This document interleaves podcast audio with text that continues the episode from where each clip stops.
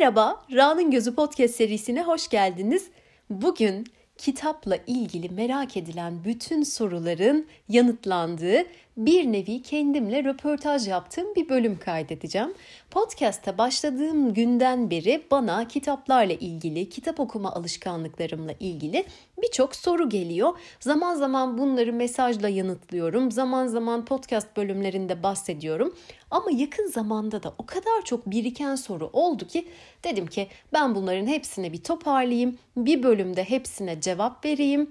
Ee, üzerine sesli bir şekilde düşüneyim belki de ve eğer bundan sonra bana bir soru sorulursa bu podcast bölümünün linkini göndereyim. Hepimiz rahatlayalım. Şimdi ben soruların hepsini ayıkladım, toparladım. Tekrar edenleri grupladım. Kendi aralarında bir sıralama yaptım ve şimdi tek tek üzerinden geçeceğim. Çok sorulan, en çok sorulan soruları da en sona bırakacağım çünkü onların açıklaması belki birazcık daha uzun sürebilir. Şimdi sorulara başlıyorum. Bugüne kadar kaç kitap okudun? Bu da çok sorulan bir şey. Ee, sayısını tabii ki bilmiyorum. Hesaplama şansım yok ama çoktur yani. Aşırı çoktur. Bu soruyu cevaplayamamış oldum. Kitap okuma pozisyonunu merak ediyorum. Boynum ağrıyor bir süre sonra demiş. Ee, bunu soran kişiyle sonradan mesajlaştık. Hatta ona da görsel olarak kullandığım bazı şeyleri gönderdim. Ben kitap okurken bebek yastıkları kullanıyorum. Bir tanesini boynumla koltuk arasına, bir tanesini de kucağıma koyarım ki elim bileğim çok yorulmasın. O bebek yastıklarının üzerinde tutarak çok rahat bir şekilde okuyabiliyorum. Ama her zaman koltuğumda, kanepemde okumadığım için bunlar her yerde geçerli olmayabilir. Taşıyabildiğim her yere de taşırım o bebek yastıklarını seyahatlerde, uzun yolculuklarda falan. Ama ben böyle halının üstüne uzanıp e, yüzüstü yatarak da okurum, yatakta da okurum, ayakta da okurum. Yani tek bir pozisyonum olduğunu söyleyemeyeceğim ama tercihime bırakırsan e, kanepemde ayaklarımı pufuma uzatarak arkama pufuduk yastıkları alarak boynumla kanepe ya da duvar arasında hiçbir boşluk kalmayacak şekilde okumayı tercih ediyorum. Kitapları neye göre seçiyorsun? Tavsiye mi, yazar mı, konu mu, bestseller mi gibi gibi böyle sorular gelmiş. Çok değişik kitaplar keşfediyorsun. Bunları nasıl keşfediyorsun? Nasıl buluyorsun? Ee, şöyle aslında bunun tek bir yolu yok. Ee, bana kalsa en sevdiğim yöntem kitapçıları, sahafları dolaşmak ve orada kendim keşfetmek. Ancak bunu son dönemde, son bir iki senedir neredeyse hiç yapamıyorum. Hem İstanbul'da hem yurt dışında en sevdiğim yöntem bu. Onun dışında iki çeşit e, bakacağım olaya. Ben işim gereği de akademik okumalar yapıyorum. İlgi alanlarım var. Onlarla ilgili e, araştırmak istediğim, derinine dalmak istediğim konuları e, ya kitapçıda bazen soruyorum ya da internette araştırıp o kitapları bulup getirtip okuyorum. Ama eğer keyfi okumalarsa birazcık daha hani e, hobi tarzı okumalarsa onları daha böyle e, gündelik şeylerden buluyorum. Bazen Instagram'ın e, keşfet sayfasından bir şeyler görüyorum. Bazen bir arkadaşım tavsiye ediyor. Bazen kitapçıyı gezerken karşılaşıyorum. Bazen hediye gönderiliyor bana böyle kitap seven arkadaşlarım. E, seveceğimi düşündükleri, ilgimi çekeceğini düşündükleri şeyleri gönderiyorlar. Çok karışık bir yol izlediğimi söyleyebilirim. Hayatın boyunca tekrar tekrar okuduğun bir kitap var mı? Bir kitap yok, çok kitap var. Ee, benim özellikle bazı kitaplarla bunların bir kısmı e, edebi eser, roman tarzı, Tolstoy'un, Dostoyevski'nin kitapları gibi kitaplar. Bir kısmı da e, Conversation with God, Tanrı ile Sohbet serisi gibi kitaplar, e, kurgu dışı kitaplar. Bunlar böyle kutsal kitap gibi elimin altında bulunan, ihtiyaç duyduğumda, özlediğimde elime alıp karıştırdığım, bazen de baştan sona tekrar okuduğum kitaplar. O yüzden e, tek bir kitap yok. Ama hani isim verecek olursam aklıma ilk gelenler Tolstoy'un kitapları mutlaka bir hani belli bir e, dönem sonrasında işte şu kadar senede bir tam böyle ezbere bilmiyorum onu izlemiyorum ama e, hani belli aralıklarla okurum, elime alırım. Bir de Tanrı ile sohbet serisi diyeyim. Devlet bunu zorunlu yapsın, herkes okusun dediğin kitap. aklıma ilk geleni söyleyeyim. Nihan Kaya'nın İyi Aile Yoktur kitabı. Bir ek tercih verilecek olursa da onun kardeş kitabı İyi Toplum Yoktur. Podcast'ta da bölümlerini yapmıştım. Kitapları planlayarak mı okumayı tercih edersin yoksa kapağını açıp rastgele mi? Burada da şöyle bir şey var. Yine ikiye böleceğim. Roman biraz daha keyfi okumalarda asla planlama yapmıyorum. Çok içgüdüsel. Hatta e, elime aldığım, başladığım kitabı o anda bırakıp gözüme kestirdiğim başka bir kitabı alıp devam edebiliyorum. Ama biraz hedefli okuyorsam işle ilgili, içerik yaratmakla ilgili, e, o sürede edinmem gereken bir bilgi varsa orada bir planlama geçerli. Hatta e, o kitapları bana tavsiye eden danıştığım kişilerden işte mentorlarımdan falan sıralamasını da yapmalarını rica ediyorum. Yani mesela bir konuyu araştırıyorum diyelim. Bana üç tane kitap önerdiler. Mutlaka sorarım. Hani sence bunları hangi sırayla okumam lazım? Hangisini önce okusam daha faydalı olabilir? Ben de aynı şekilde tavsiye verirken e, tamamlamalı böyle kitaplar tavsiye ederken mutlaka sıralamasını söyleyerek tavsiye veririm. Kitaplar hayatında bir duygu olsaydı o duyguyu nasıl tanımlardın? Hmm, zor bir soru ama e, şöyle bence kitaplar duygu olamaz. Çünkü duygular geçicidir. Hiçbir duygu kalıcı değildir. Hiçbir duyguya yapışarak yaşayamayız ama ben kitaplarıma yapışık yaşıyorum ve kitapları aşırı kalıcı bir şekilde hayatımda tutuyorum. O yüzden e, cevaplayamamış oldum sanırım ama onların bir, bir duygu olarak hayal edemiyorum. Hangi tür kitapları okumayı sevdiğini nasıl keşfettin? Bu okuma yolculuğu nasıl başladı? Çok klasik bir cevap olacak ama piyanoya 5 yaşında başladım. e, hatırlamıyorum. E, okuma yolculuğumun nasıl başladığını hatırlamıyorum. Çünkü çok küçüktüm. Çok yani okuma yazmayı öğrendiğimden bile önce kitapları çok sevme yolculuğum onlarla ilişkin başlamış olabilir. Ee, kitap okunan, e, yeni çıkan kitapların satın alındığı, böyle sıra sıra dizildiği bir evde büyümenin etkisi vardır herhalde. Çevremde de büyüklerim hep kitap okuyan, kitap seven, birbirleriyle kitap muhabbeti yapan insanlardı. Ee, işte en sevdiğim halam olsun, annemin kuzeni teyze dediğim, çok sevdiğim e, teyzem olsun. E, hep böyle bir hani kitap hayatın bir parçası şeklinde ben de o bilinçle büyüdüğüm için burada bir hani başlangıç noktası, yolculuğun başı gibi bir şey aklıma hiç gelmiyor. Hangi tür kitapları okumayı sevdiğimi de hepsini okuyarak keşfettim. Yani hepsinden okudum, çok karışık okudum. Ondan sonra hangilerini daha çok seviyorum, daha az seviyorum böyle bir yol ayrımına girdi. Bazılarında daha çok derinleştim.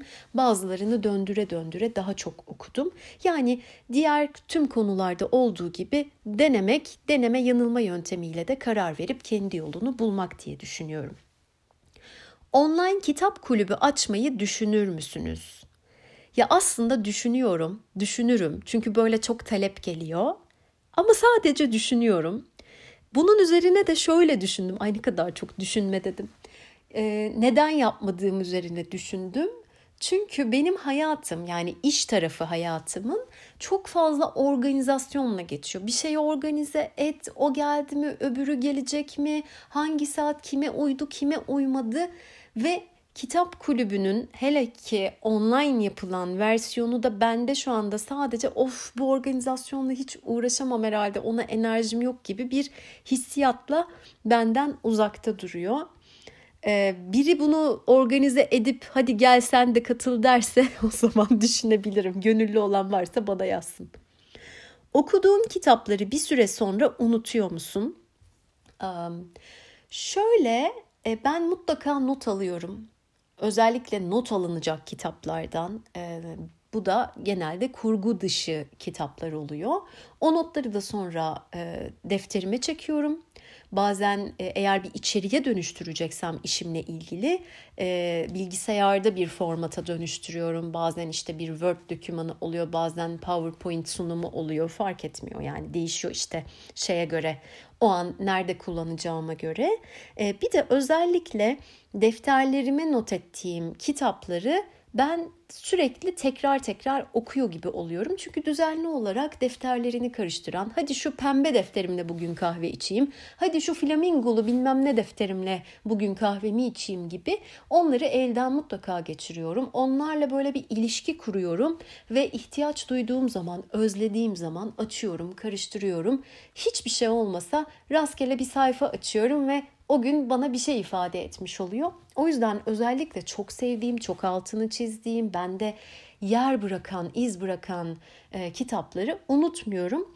Ama böyle birazcık daha sabun köpüğü gibi olan, detaylarını hatırlamadığım, beni çok etkilemeyen, çok derin izler bırakmayan kitaplar oluyor. Onları unutuyorumdur ama unutmak da bir şey ifade etmiyor sanırım. Herkesin önerdiği ama senin sevmediğin kitaplar neler? Of benim için zor bir soru. Çünkü ben e, okuduğum bütün kitapları paylaşmıyorum. Okuduklarım arasında hoşuma giden, sevdiğim, yararlı bulduğum, tavsiye edebileceğim kitapları paylaşıyorum. Çünkü şöyle düşünüyorum. E, ya ben beğenmemiş olabilirim, sevmemiş olabilirim ama e, bir kitabı kötülemek, bir eseri kötülemek e, iyi gelmiyor bana. E, bazıları var ki gerçekten çok kötü ya ne olur kimse almasın çünkü gerçekten zaman kaybı, kağıt israfı gibi düşündüğüm kitaplar olsa bile kötülemiyorum.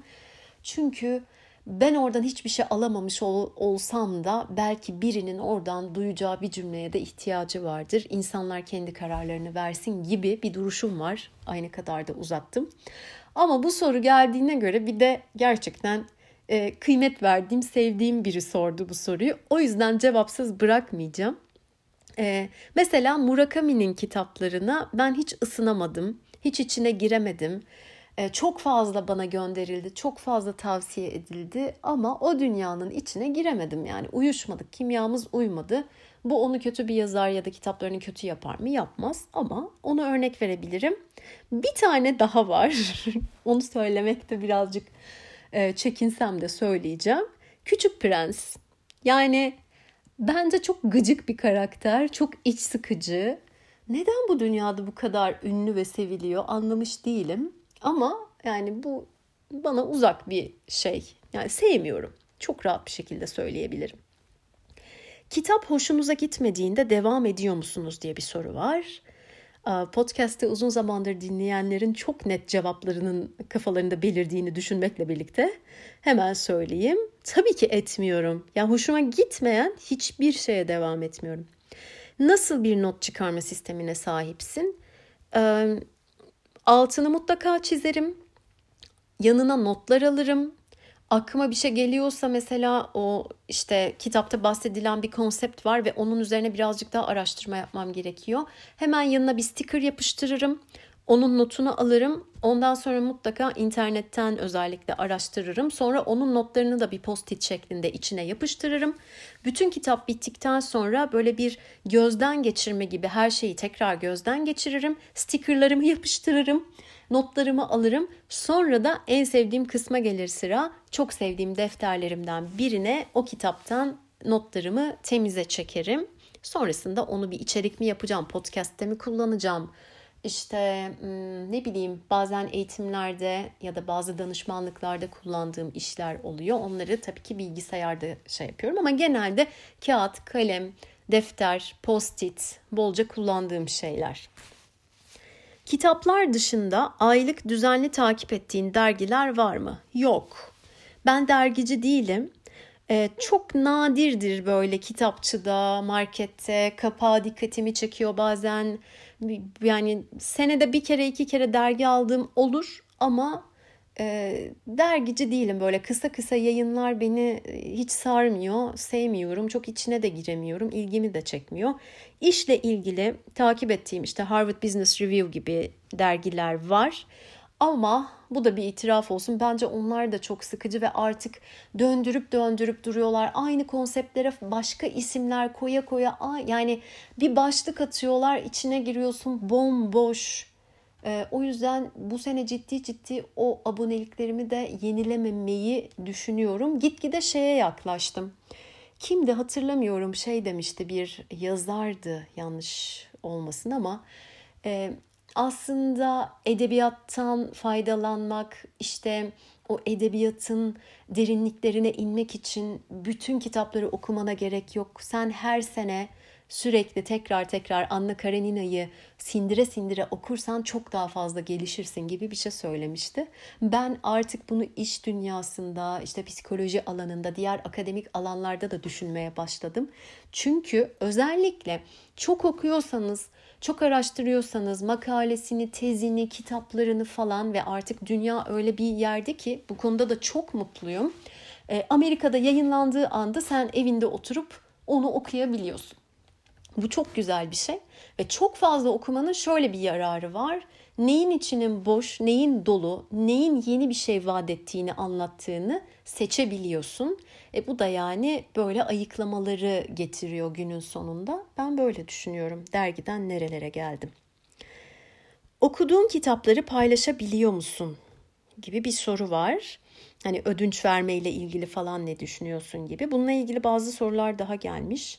Zaten bu arada şu anda sorduğum böyle okuduğum sorular hep e, fazla sorulanlar e, ayıklayarak hani en çok sorulanları böyle bir sıralamaya çalıştım. Çünkü hepsini cevaplama şansım yok ama bunlar zaten genel bir e, bilgi verecektir, fikir verecektir diye düşünüyorum. Şimdi bu paylaşma konusuna gelecek olursak.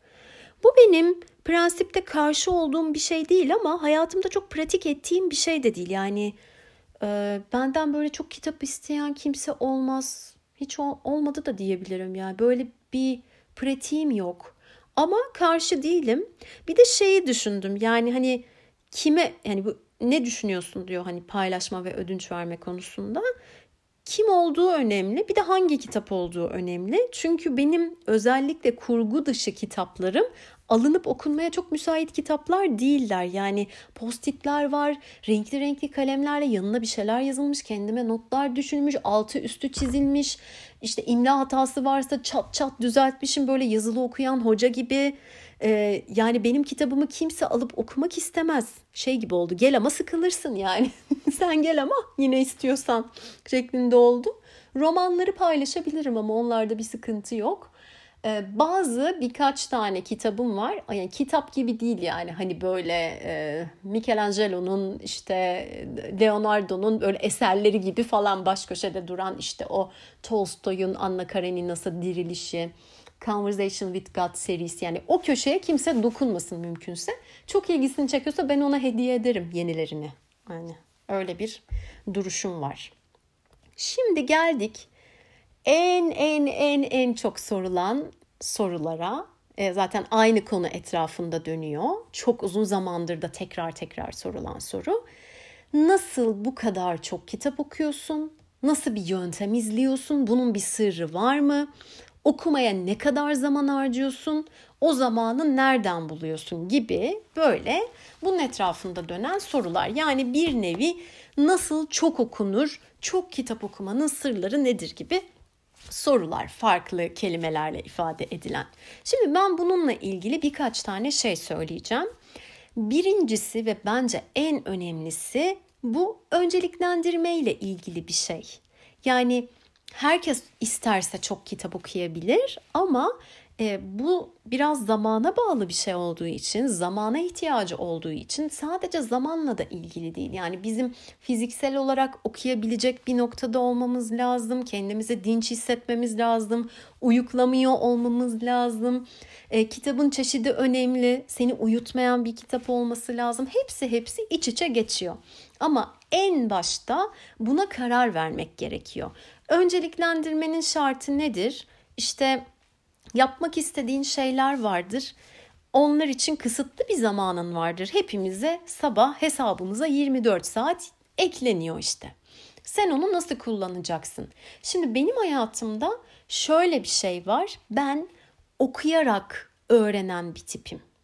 Yani okuyarak, yazarak, not alarak, kimisi video izleyerek öğrenir, kimisi biri ona anlatsın ister, kimisi dinleyerek öğrenir. Ben okuyarak öğrenirim. Yani bana bir hoca anlatsın mı yoksa versin okuyayım, notunu çıkarayım, bir sorum olursa gidip sorayım mı? Kesinlikle ikincisini tercih ederim. Birincisi bu bendeki karşılığı. O yüzden benim zaten öncelikli ve ilk seçeceğim yol okumak içsel olarak. İkincisi ben çok yani benim televizyonum yok. İşte hiçbir platforma Netflix tarzında bir platforma üye değilim.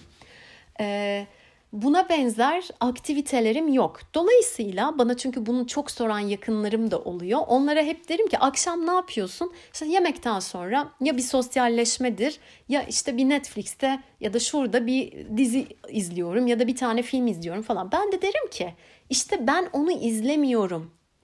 Dolayısıyla bana kalan zamanda da okumayı tercih ediyorum. Bir de sabah okumayı çok seviyorum. Ben sabah böyle çok konsantre okuma yapabiliyorum. Biraz da alışkanlıkla, istekle de ilgili bir şey. Bunu düşününce önce biraz nasıl yani falan gibi. Çünkü herkes kendi dünyasında gibi düşünüyor. Ben de diyorum ki çok basit bir matematik. Yani mesela üst üste birkaç bölüm dizi izleyebiliyorsun ya. Bende onlar yok. Onların yerine kitap var. Şimdi bir bölüm dizi karşılığında 50 sayfa kitap ediyor yaklaşık. Yani tahmin ediyorum şu anda. Dolayısıyla 2-3 bölüm üst üste dizi izliyorsan bu şey demek yani ince bir kitabı bir akşam bitirebilirsin demek. Ha şu tarafı da var. Okuma alışkanlığın oturdukça, ilerledikçe, o pratiğini geliştirdikçe zaten daha net, daha hızlı, daha verimli okuyabiliyorsun. Daha çok konsantre olabiliyorsun. Bunlar gelişen şeyler istedikten sonra. O yüzden basit bir matematikle bakabilirsin. Bu konuya çok takan, ben istiyorum, okuyamıyorum diyen kişi zaman yönetimine bakacak. Zamanını ve enerjini nasıl yönetiyorsun? E burada şartlar da önemli. Şimdi ben mesela özellikle son dönemlerde bir ofise gitmiyorum. Evden çalışıyorum genelde. Ee, ne bileyim mesela çocuğum yok falan. Hani bunlar da önemli çünkü bunlar da zamanını ve enerjini yönetmekte seni etkileyen faktörler. Ama mesela bunları söylerken bile aklıma geldi.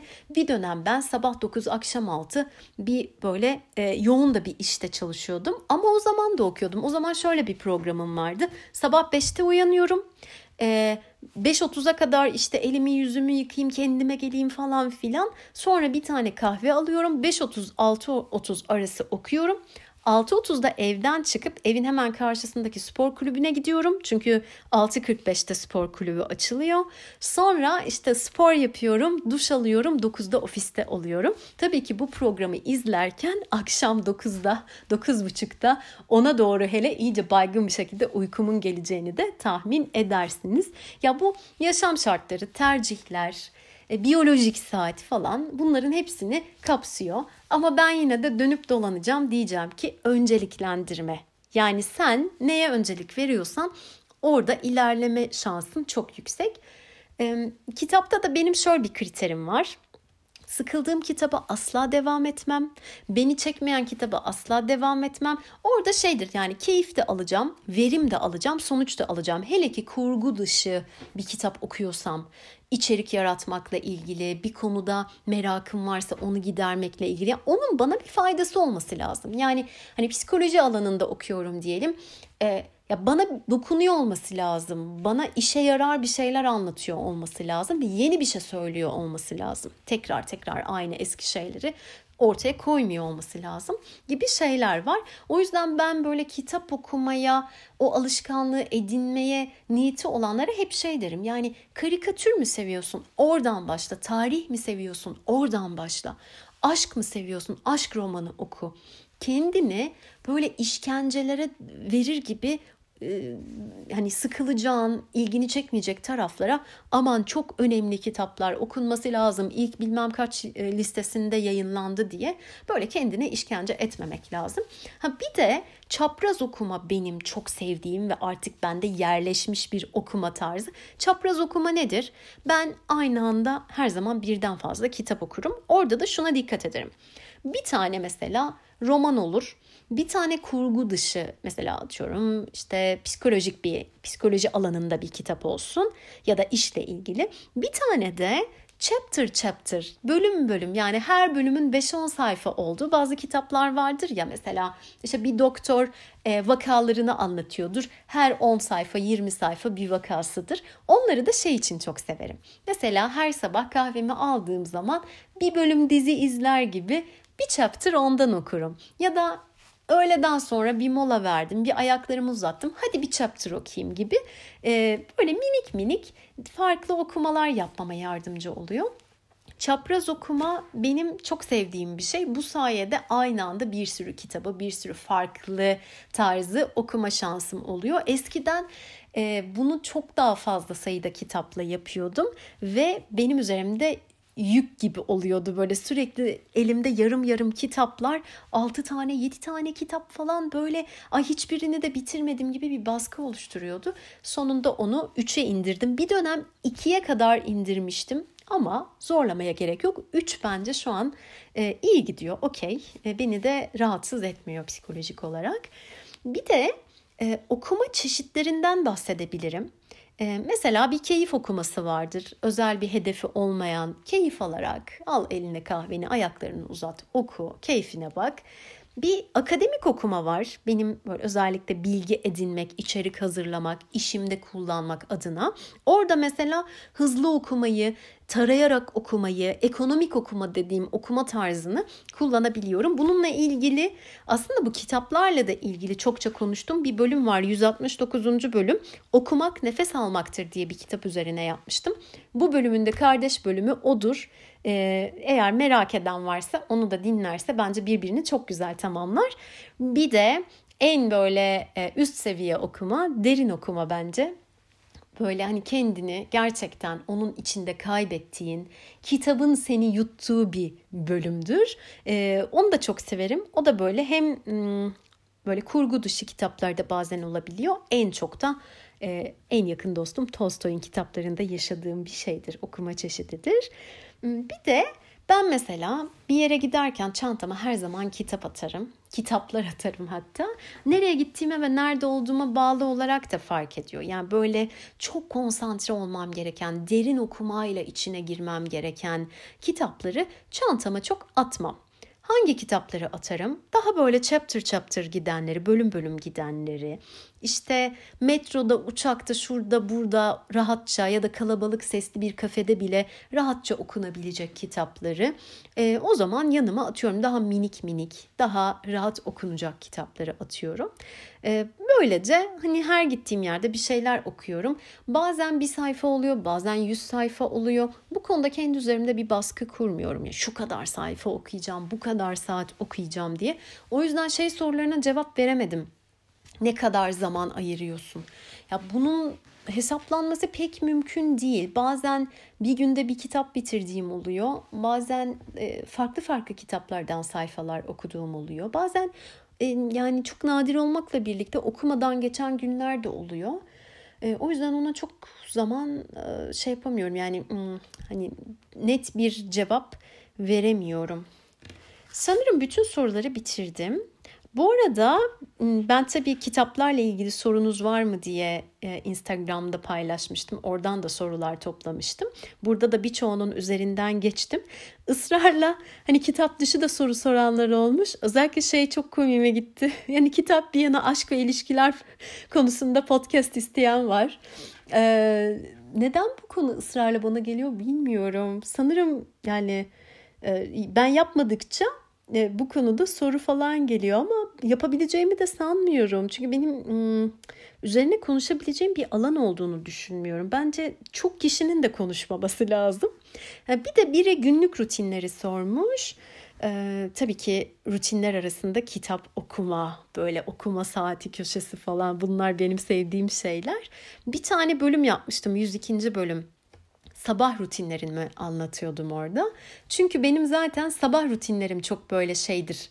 E, sadık olduğum, sevdiğim rutinlerdir. E, günün geri kalan kısmı tabii ki çok günün akışına göre, işime göre, durumuma göre, sosyalliğe göre çok değişiyor.